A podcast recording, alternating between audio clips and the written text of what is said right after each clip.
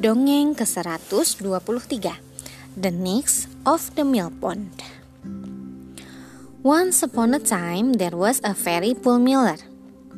Times became so hard that he thought he and his wife might have to sell the mill. He was extremely worried. Early one sunny morning, he went out for a walk, wondering what he was going to do. Suddenly, he saw a strange long haired woman rising slowly out of the mill pond. It was a spirit, the nix of the mill pond. I have come to help you, the nix said. I will make you rich. All I ask is that you promise to give me what has just been born in your house. What on earth that can be? thought the miller. A dog or a cat must have given birth in the barn. But he promised the spirit what she asked, and the nix sank back down into the water again. Now the miller felt cheered up and he hurried back to his mill. He rushed through the door and raced up the stair to his bedroom to tell his wife the good news. But when he reached her bedside, he stood horror struck. His wife has just given birth to a little boy. The miller realized that the cunning nix must have known this and tricked him. He hung his head and told his wife what had happened. He was, she was desperate. What good is a being rich if we're going to lose our child? she wailed. But days went by and the nix did not come to collect the baby. Meanwhile, Good luck returned to the miller's house. His business picked up and money began to fall back in. Before long, he and his wife were rich, but they were never happy.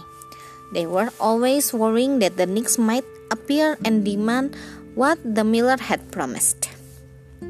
As the little boy, boy grew, the miller warned his son never to go near the mill pond. Beware, he said to him. If you touch the water, a hand will appear and grab you and pull you under.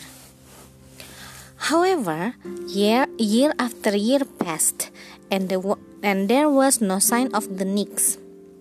The boy grew into a young man and learned how to be a huntsman. He married a girl from the village, and the two lived quite happily in their own little home. One day, the huntsman went chasing a deer. When the animal ran out of the woods and into an open field, he followed it and finally brought it down with a single shot. He loaded in on his horse. Then he noticed he was near the mill pond and went to the water in order to wash his hands. Scarcely he had he dipped them when the nix rose up out of the water. Laughing, she wrapped her wet arms around him, then pulled him under so quickly and quietly that there was barely a splash. When evening came and the huntsman did not return home, his wife became frightened. She knew what his father had promised the nix long ago, and she guessed what had happened. She hurried to the mill pond and saw her husband's hunting bag lying on the bank. Crying and wringing her hands, she called her beloved by name, but there was no sign of him. Then she cursed the nix, but she did not appear either. The surface of the mill pond remained as smooth as glass. The poor girl paced around it, calling and calling till she was exhausted.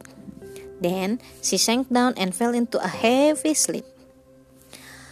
The girl dreamed that she was climbing upwards between large rocky cliffs.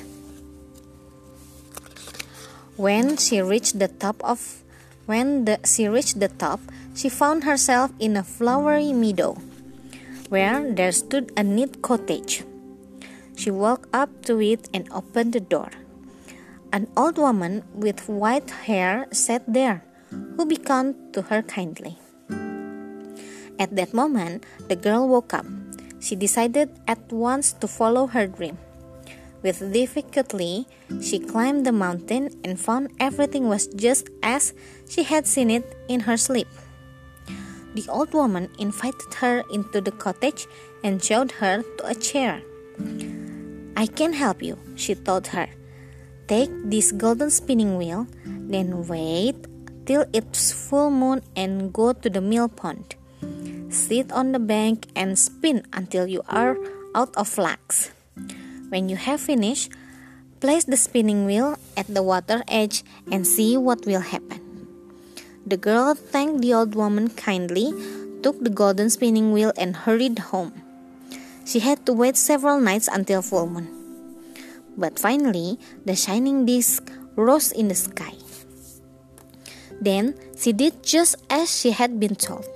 She took the spinning wheel to the bank and spun till she had run off the flax.